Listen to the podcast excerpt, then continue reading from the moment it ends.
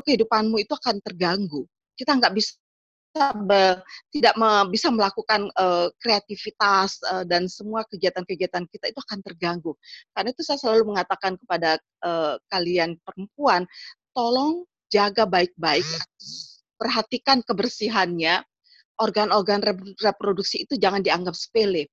Karena keseluruhan keseluruhan kesehatan tubuh kita, bahkan juga nanti kesehatan jiwa kita itu akan uh, apa bermula dari kesehatan reproduksi yang baik, yang berkualitas. Karena itu uh, kalian semuanya harus mulai dengan bagaimana caranya me menjaga ya kualitas kesehatan reproduksi itu supaya uh, selalu selalu apa namanya terjaga dengan baik. Ya ada beberapa tips yang disampaikan oleh para para ahli dalam hal ini orang-orang yang dalam hal medis ya karena yang dimulai dengan hal-hal yang sifatnya fisik tentu bagaimana selalu kita membersihkan ya organ-organ reproduksi itu dengan benar. Jadi cara pembersihannya juga ada cara cara membersihkannya dengan benar. Kalian bisa googling deh itu gimana cara membersihkan vagina dengan benar, bagaimana membersihkan penis dengan benar, bagaimana membersihkan organ-organ reproduksi itu dengan benar, bagaimana cara menggunakan soft text yang benar, bukan soft text yang malah menimbulkan uh, apa namanya iritasi dan sebagainya. Ini hal-hal kecil, sepele, tetapi itu sangat membawa pengaruh yang uh, apa namanya pengaruh yang besar di dalam kehidupan kesehatan uh, kita terutama bagi perempuan. Nah, oleh karena itu, uh, yang lain lagi menurut saya berkaitan dengan kesehatan reproduksi ini juga berkaitan dengan konsumsi makanan sehat. Nah, puasa sebetulnya itu mengajarkan kita ya pola makan yang benar, lalu juga karena supaya kita bisa berpuasa dengan baik, ya pilih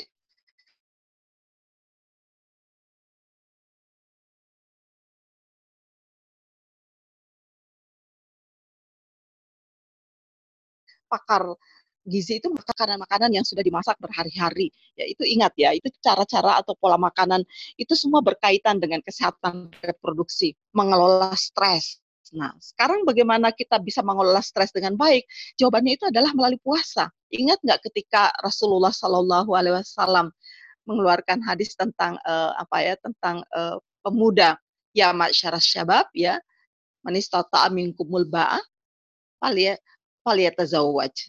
Ini jadi kepada para pemuda mungkin stres ingin uh, apa menikah atau berkaitan dengan uh, syahwat ya, kira-kira seperti itu. Lalu Nabi mengatakan kalau kamu sudah sanggup al-ba'a itu pan, uh, apa namanya uh, maknanya itu luas sekali loh. Jadi saya membuka, membuka kamus lisanul Arab, al-ba'a itu ternyata kema, ber, uh, apabila kamu mampu. Nah, al-ba'a di situ artinya mampu secara fisik, ya mampu secara uh, psikis, mampu secara mental, spiritual. Waduh, saya bilang luar biasa betul ya. Karena itu di dalam Al-Quran, syarat-syarat untuk menikah itu ya tidak bisa hanya dengan kematangan uh, fisik semata, tetapi juga adalah uh, bukan hanya baligo ya kematangan fisik, tapi juga rusda. Ya, rasyida itu artinya kematangan uh, psikologis, kematangan spiritual. Karena itu Islam itu sebenarnya sangat menentang ya perkawinan anak. Aisyah sendiri itu tidak menikah ketika anak-anak seperti yang banyak dipercayai dalam masyarakat. Jadi kalau Anda membaca buku saya, Ensiklopedia Muslimah Reformis, di situ dengan panjang lebar saya jelaskan bahwa semua ya penjelasan tentang Aisyah menikah anak-anak itu terbantahkan. Ada banyak argumen yang saya sampaikan dalam buku itu. Antara lainnya argumen sejarah, ya argumen uh, apa namanya historis, ya argumen yang sifatnya itu bukan hadis karena hanya ada satu hadis yang bicara tentang perkawinan Aisyah itu usia tujuh tahun. Itu hadis yang diriwayatkan oleh Hisham bin Urwah. Nah, penelitian, penelitian yang panjang itu mengungkapkan bahwa uh, hadis ini ya memang Hashim bin Urwah itu seorang sahabat yang sahih, yang yang apa sak, yang istilahnya itu uh, uh, apa namanya uh, seorang sahabat yang uh, dobit ya, yang uh, bisa dipercaya, tetapi sayangnya hadis itu disampaikan ketika dia sudah uzur, ya, dia mengalami semacam penyakit demensia.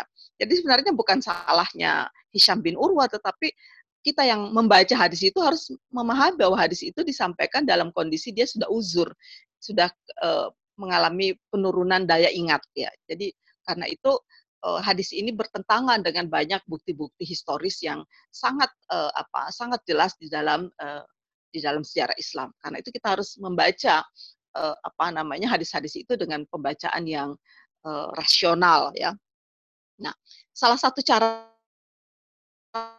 untuk membangun kesehatan reproduksi itu adalah mengelola stres. Dan puasa adalah cara terbaik ya untuk mengelola stres ya. Stres apa pun yang disebabkan oleh apa pun. Kalau nggak percaya coba saja lakukan. Tetapi dengan syarat ya puasa yang benar-benar puasa. Seperti yang saya katakan tadi bukan hanya puasa sekedar memindahkan jam makan ya. Seperti kebanyakan kita lakukan selama ini.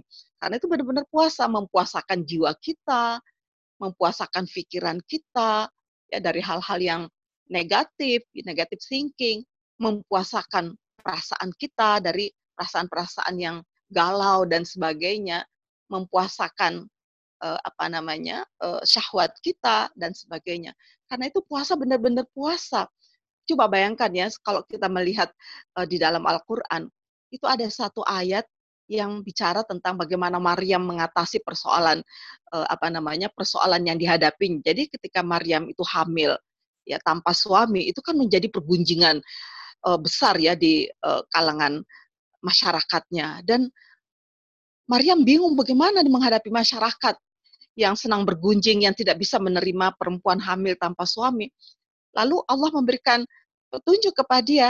Apa yang petunjuk Allah kepada dia menghadapi kesulitan itu? Kamu puasa bicara. Jangan kamu ber, berbicara, ya. Suruh anakmu itu berbicara. Jadi ketika uh, apa itu namanya?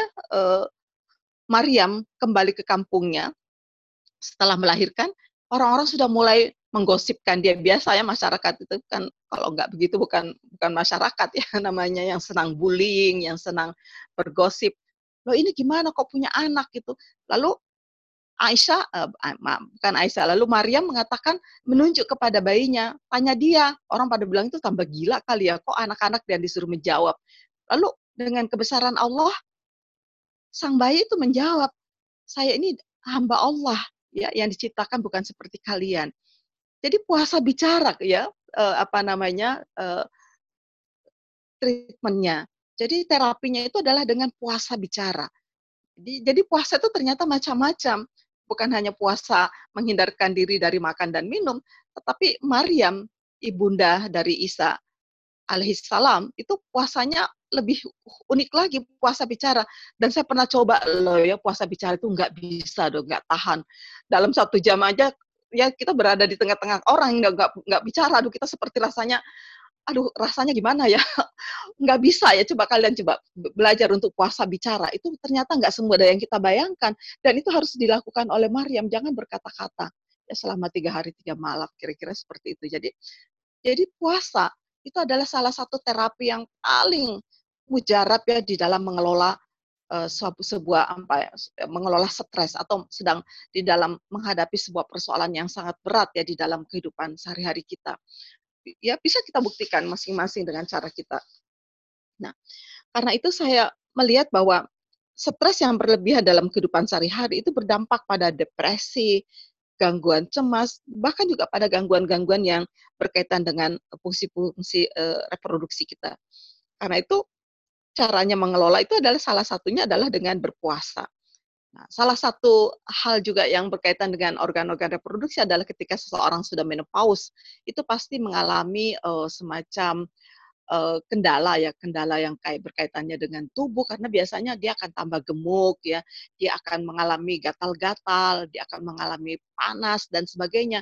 Nah, itu semuanya bisa dihindarkan itu dengan berpuasa. Beberapa literatur yang saya baca dari uh, Mesir itu dengan berpuasa itu persoalan-persoalan yang biasanya dihadapi perempuan dengan menopause itu bisa di uh, bisa dihilangkan ya. Luar biasa loh, saya baru tahu juga sekarang ini setelah saya mau bicara tentang ini, saya baca kembali beberapa literatur, saya mendapatkan beberapa literatur dari uh, Mesir, oh ya ternyata bisa.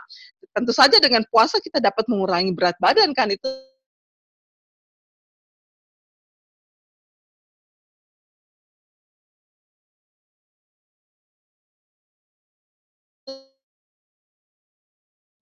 Halo, Bun. Udah pasti lah ya. Nah, bisa bisa di Halo? Masih ya, kedengaran nggak? Suaranya. Ya, masih, Bun, tapi tadi uh, putus. Sekarang tinggal berapa menit? Masih tinggal berapa? Bun. Oke. Okay. Oke. Okay. Hmm. Nah, sekarang saya ingin mengatakan kepada kita semua bahwa dengan puasa ini ya kita dapat mengatur uh, apa uh, jenis makanan, kita dapat mengelola stres, kita dapat menjaga berat badan dan itu semua sangat berkaitan dengan kesehatan reproduksi uh, seseorang. Um, tapi nggak mudah ya bagaimana kita membangun kesehatan reproduksi di dalam kehidupan perkawinan karena perkawinan itu selalu terdiri dari uh, pasangan ya bukan hanya seseorang. Karena itu bagaimana mengajak pasangan itu juga bisa mengerti tentang kesehatan reproduksi. Karena itu nggak mudah ya eh, apa eh, membangun membangun eh, ke, apa kes, kesepemaha, sepa, apa kesepemahaman gitu satu pemahaman yang benar tentang kesehatan reproduksi karena kita harus mengajarkan ya kepada pasangan kita tentang apa yang dimaksud dengan kesehatan reproduksi bahwa sebagai perempuan kita memiliki keunikan dengan organ-organ reproduksi kita. Bukan hanya bukan hanya unik tapi juga rumit ya karena itu letaknya di bagian dalam. Bahkan sampai saya kadang-kadang suka mengetes ya mahasiswa saya sampai yang sudah S2 sekalipun itu kadang-kadang dia tidak mengerti bahwa vaginanya itu terdiri dari unsur apa, bagian-bagian vaginanya itu apa saja, lalu di balik vagina itu apa saja, lalu kemudian bagaimana organ-organ reproduksi perempuan yang rumit itu, apakah dia paham dengan benar atau tidak. Dan ternyata hampir semuanya itu nggak nggak nggak mengerti ya. Kadang-kadang kita merasa asing loh dengan organ-organ reproduksi kita sendiri. Karena itu saya berharap kalian semua yang masih muda-muda itu mulai sekarang mengakrabi ya, mengakrabi artinya mengerti dengan baik organ-organ reproduksi kita terdiri dari apa saja ya bahwa vagina kita itu apa saja unsur-unsurnya, berkaitan dengan apa saja, bagaimana cara membersihkannya, bagaimana cara uh, apa namanya uh, artinya bagaimana kita menggunakan ya organ-organ reproduksi kita itu dengan cara yang benar dan dengan cara yang sehat. Itu enggak semuanya orang tahu loh. Karena itu penting kalian membuka literasi yang lebih luas tentang uh, manfaat dan tentang uh, apa fungsi dari organ-organ reproduksi manusia. Karena itu bukan hanya sekedar uh, apa namanya uh, ada dalam tubuh kita, tapi kita tidak banyak tahu tentang organ-organ itu, tentang manfaatnya, tentang kesehatannya, tentang fungsi-fungsinya, dan tentang hubungannya dengan masalah-masalah keseluruhan dari uh, kehidupan kemanusiaan kita. Nah, seperti yang saya katakan tadi, puasa yang benar, nah, puasa yang benar itu memiliki banyak manfaat bagi kesehatan tubuh. Termasuk di dalamnya itu adalah kesehatan reproduksi. Mengapa? Karena secara psikis, puasa itu dapat menanggulangi stres dan depresi. Untuk beberapa orang karena apa? Karena sebagian orang itu sulit ya mengendalikan diri. Karena itu stres nggak habis-habis.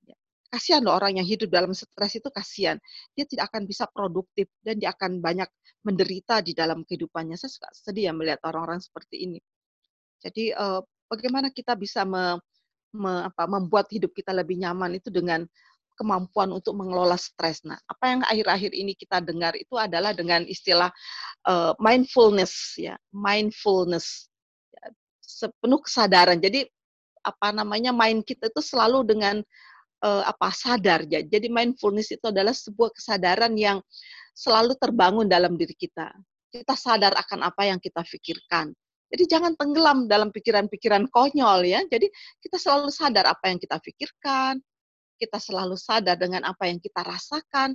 Jadi mindfulness ini sekarang sedang ngetren di banyak uh, belahan dunia, bahkan menjadi sebuah apa ya, sebuah uh, seperti yoga gitu, seperti yoga, seperti meditasi seperti retret. Jadi itu sudah menjadi sebuah tren baru dalam kehidupan uh, modern. Nah, banyak orang mengatakan bahwa untuk mencapai mindfulness, kesadaran yang penuh, itu kalau saya membaca dalam Al-Qur'an itu bisa dikembangkan melalui puasa. Ya. Sekali lagi bisa dikembangkan melalui puasa. Tapi ingat ya bahwa puasa yang saya maksudkan itu adalah puasa yang hakiki. Puasa di mana kita dapat memanage, ya, dapat mengontrol ya bukan hanya fisik kita, tetapi juga rohani kita, mental dan spiritual kita. Nah, itulah pentingnya kita berlatih diri dan dan ini nggak mudah, nggak sehari dua hari. Dan saya juga masih dalam tahap masih dalam taraf taraf melatih diri setiap saat, melatih diri. Mungkin hari ini kita bisa me, apa, membangun mindfulness kita setengah ya setengah jam atau dua jam ya semakin hari semakin semakin bertambah sama dengan yoga sama dengan meditasi itu perlu latihan yang terus menerus nggak bisa sekali jadi ya. Tetapi latihan juga jangan sekali berlatih udah gitu lupa lagi ya. Tetapi ya terus menerus ya latihan itu terus menerus nah itulah juga sebabnya kenapa puasa itu selalu ada di dalam setiap uh, bulan selama uh, selama sebulan dalam 12 bulan setahun selalu ada. Karena itu semacam apa pelatihan lagi, latihan lagi, ya kita latih lagi. Karena nanti kalau sudah selesai bulan puasa, apalagi kalau kalian tidak melama, tidak tidak rajin puasa sunat, hilang lagi semua ya efek dari latihan itu. Karena itu nanti apa datang lagi bulan Ramadan mengingatkan kita kembali, kita latihan lagi. Tetapi saya berharap bahwa latihan yang kita lakukan selama sebulan ini betul-betul efeknya itu terasa selama 11 bulan mendatang sampai kita melakukan detox lagi pada bulan Ramadan yang akan datang insya Allah. Semoga kita masih bertemu pada Ramadan yang akan datang. Nah, itu pentingnya ya.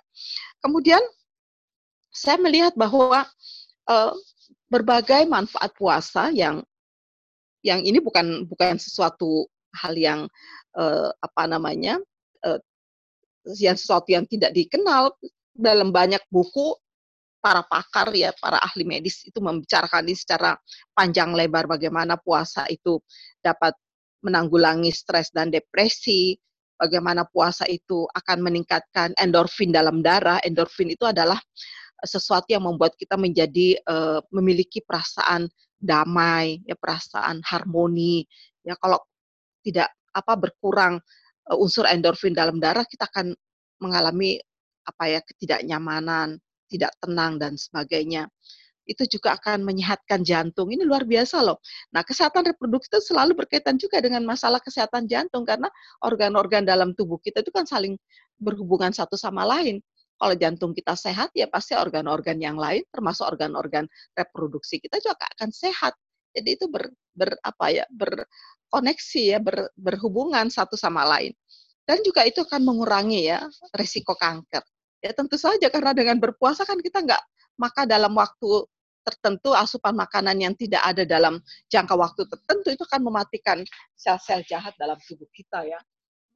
Juga akan menjaga berat badan, ya, membuang racun dalam tubuh, ya, meningkatkan fungsi otak ya dan sebagainya. Jadi eh, apa eh, semua eh, manfaat-manfaat ini itu saling berkaitan satu sama lain dan itu pasti ada hubungannya dengan masalah kesehatan reproduksi.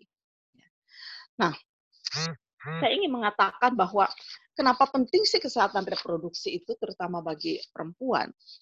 Karena sekarang ini kita melihat bahwa persoalan kekerasan seksual itu terjadi di mana-mana. Bahkan kita sudah mengusung satu rancangan undang-undang untuk pencegahan kekerasan seksual. Tapi apa yang terjadi? Banyak orang lalu menyalahgunakan. Dikiranya kekerasan seksual itu adalah persoalan ya mengada-ada kita mengada dianggap kita ini mengada-ada bahwa kekerasan seksual sebenarnya nggak ada. Ya karena apa? Karena ya dalam banyak uh, apa? Dalam banyak uh, pemahaman yang dianut dalam masyarakat kita loh kenapa terjadi kekerasan seksual bukannya sebagai perempuan apalagi dalam kondisi perempuan yang uh, sebagai istri? Kamu kan memang harus melakukan fungsi-fungsi reproduksi itu kamu harus melayani suamimu di mana saja, kapan saja, begitu kan yang dipahami dalam masyarakat.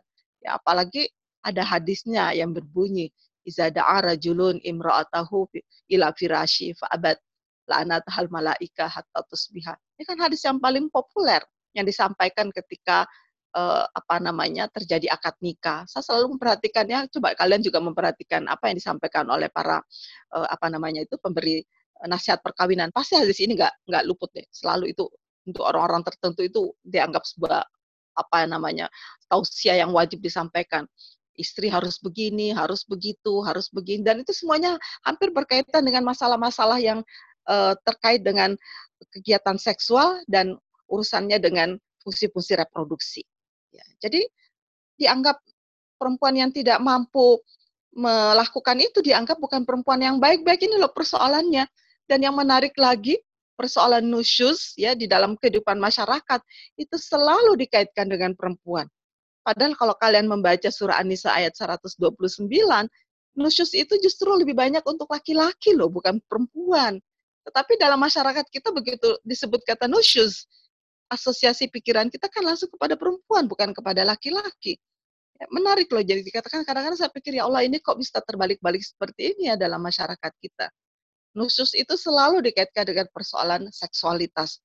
Padahal kalau di dalam Al-Quran, nusus itu hubungan apa kait kaitannya itu spektrumnya luas sekali. Bukan hanya dengan masalah seksualitas, manakala suami membangkang, manakala suami acuh, manakala suami itu abai terhadap tanggung jawabnya, maka dia disebut sebagai nusyuz. Ya, dan itu juga ada hukumannya. Tapi dalam masyarakat kita, nusyuz itu selalu kaitannya dengan perempuan. Nusyus itu selalu kaitannya dengan pembangkangan yang berkaitan dengan urusan seksualitas. Ini kadang-kadang saya pikir kenapa menjadi salah kaprah seperti ini ya dalam pemahaman kita di masyarakat karena itu penting sekali bagi kita semua itu memberikan mensosialisasikan pemahaman yang benar. Ya memang nggak mudah karena kita pasti akan di apa dibenturkan dengan pemahaman yang sudah mainstream di masyarakat dan kita ini dianggap aneh ya. Tetapi buat saya mari kita mencoba menjelaskan hal-hal yang benar meskipun itu tidak mudah, meskipun itu kita akan menghadapi tantangan, bahkan bukan hanya tantangan, kita akan mendapatkan bullying, ya, mendapatkan uh, apa namanya persekusi bahkan di masyarakat. Buat saya nggak masalah, karena kita harus menyampaikan kebenaran meskipun itu pahit ya. Dan itulah fungsi kita sebagai fungsi-fungsi profetik ya, fungsi-fungsi kenabian, karena Rasul sudah nggak ada untuk menyampaikan itu. Rasul sudah nggak ada, maka tugas-tugas kenabian itu jatuh ke beban ke pundak kita. Kita harus berani menyampaikan. Ya sebagaimana Nabi juga menyampaikannya meskipun Nabi menghadapi apa uh, tantangan yang luar biasa menghadapi uh, apa namanya uh, boykot bahkan ya dari masyarakatnya sendiri. Karena itu menurut saya mari kita me membangun ya pemahaman baru tentang apa itu kesehatan reproduksi, bagaimana kita menjaga Eh, kesehatan reproduksi ini dengan benar ya bagaimana supaya fungsi-fungsi reproduksi itu juga bisa dijalankan dengan benar ya dalam masyarakat. Tentu saja dalam hubungan suami istri misalnya ya eh, tidak bisa bahwa bahwa relasi seksual itu berjalan sepihak ya nggak bisa. Kita juga harus mempertimbangkan pasangan kita dia siap nggak, dia dia sudah dia ada keinginan nggak untuk melakukannya dia ada mood gitu, ada ada mood nggak untuk melakukannya? Karena bicara tentang uh, relasi seksual itu menyangkut spektrum yang sangat luas ya bukan hanya kesiapan secara fisik. Mungkin secara fisik orang bisa mengatakan ya saya selalu siap sepanjang saya tidak haid misalnya saya sedang tidak nifas atau tidak terganggu organ-organ reproduksinya tapi itu bukan hanya fisik. Itu juga membutuhkan fantasi itu juga membutuhkan pikiran ya apakah pikirannya sedang punya mood atau tidak, perasaannya juga. Nah, karena itu dalam relasi seksual ini dibutuhkan banyak hal dan dan itulah gunanya pasangan itu saling memahami satu sama lain. Nah, di sinilah pentingnya kita memanusiakan manusia. Kita melihat pasangan kita itu sebagai manusia yang utuh, yang bukan hanya fisik tetapi juga rohani, ya, secara keseluruhan, secara uh, apa namanya uh, integral. Kita harus memahami jiwanya memahami pikirannya memahami perasaannya. Jadi bukan hanya sekedar fisiknya tapi fisik pun juga banyak yang tidak bisa mengerti oh dia sedang kelihatan sedang capek ya sedang sakit dia sedang mengalami sakit jantung dia sedang mengalami penyakit diabetes misalnya. Ya itu gangguan-gangguan itu semuanya berkaitan dengan uh, apa dengan pikiran, berkaitan dengan perasaan, berkaitan dengan mood. Karena ini jangan dianggap sepele ya bahwa kita manusia ini sangat kompleks ya ke kehidupan kita. Nah, bagaimana caranya supaya uh, apa seluruh unsur-unsur uh, dalam kehidupan manusia itu selalu sehat. Nah, Tuhan sudah memberikan jalan salah satunya itu adalah ya dengan berpuasa, berpuasalah, tapi berpuasalah dengan benar ya, berpuasa dengan baik insya Allah. Kalau kita melakukan puasa dengan benar, dengan cara-cara seperti yang diajarkan oleh Rasulullah, jadi karena itu mari kita mempelajari seperti apa sih Rasulullah berpuasa.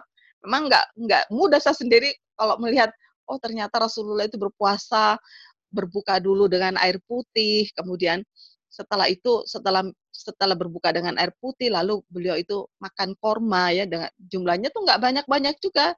Jumlah yang ganjil biasanya kalau nggak tiga lima paling banyak tujuh. Setelah itu Rasul apa itu uh, sholat maghrib.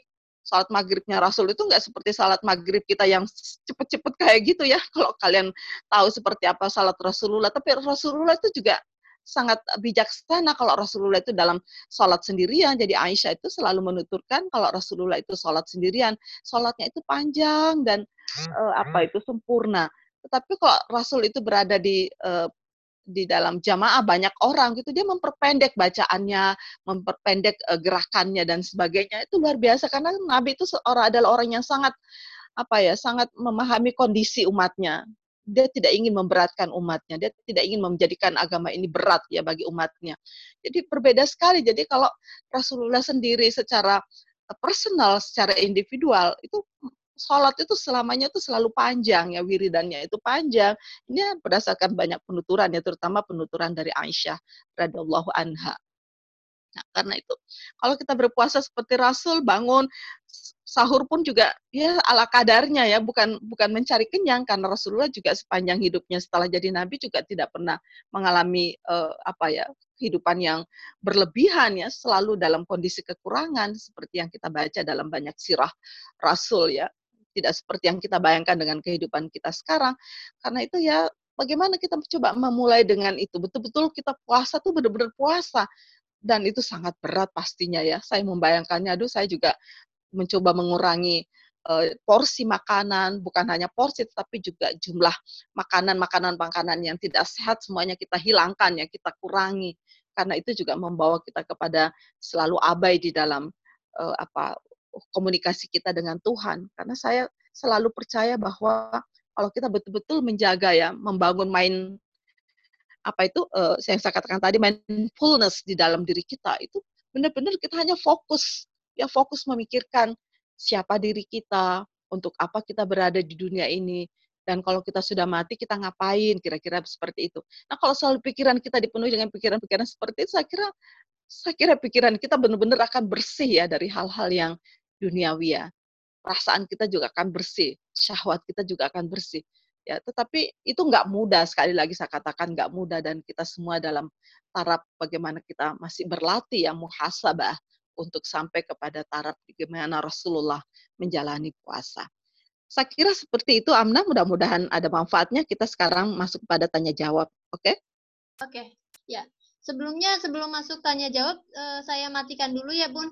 Ya, pertanyaannya sudah saya tampung. Nanti di sesi terakhir setelah mati ini dalam satu menit, Uh, silakan teman-teman masuk kembali untuk sesi tanya jawab. Oke. Okay. Jadi kita keluar nih sekarang. Pun keluar dulu. Mm-hmm.